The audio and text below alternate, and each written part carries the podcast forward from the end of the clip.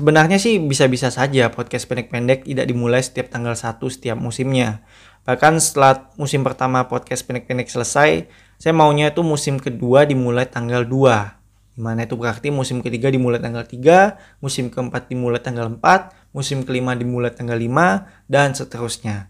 Tapi kalau misalnya itu beneran saya wujudkan, nanti kalau seandainya podcast pendek-pendek masuk musim ke-32 kan susah juga ya. Tidak mungkin dong saya tambahkan tanggal 32 di kalender. Gimana caranya coba ya kan? Dan saya juga ingin konsisten setiap musimnya itu dimulai setiap tanggal 1. Biar rapi aja gitu.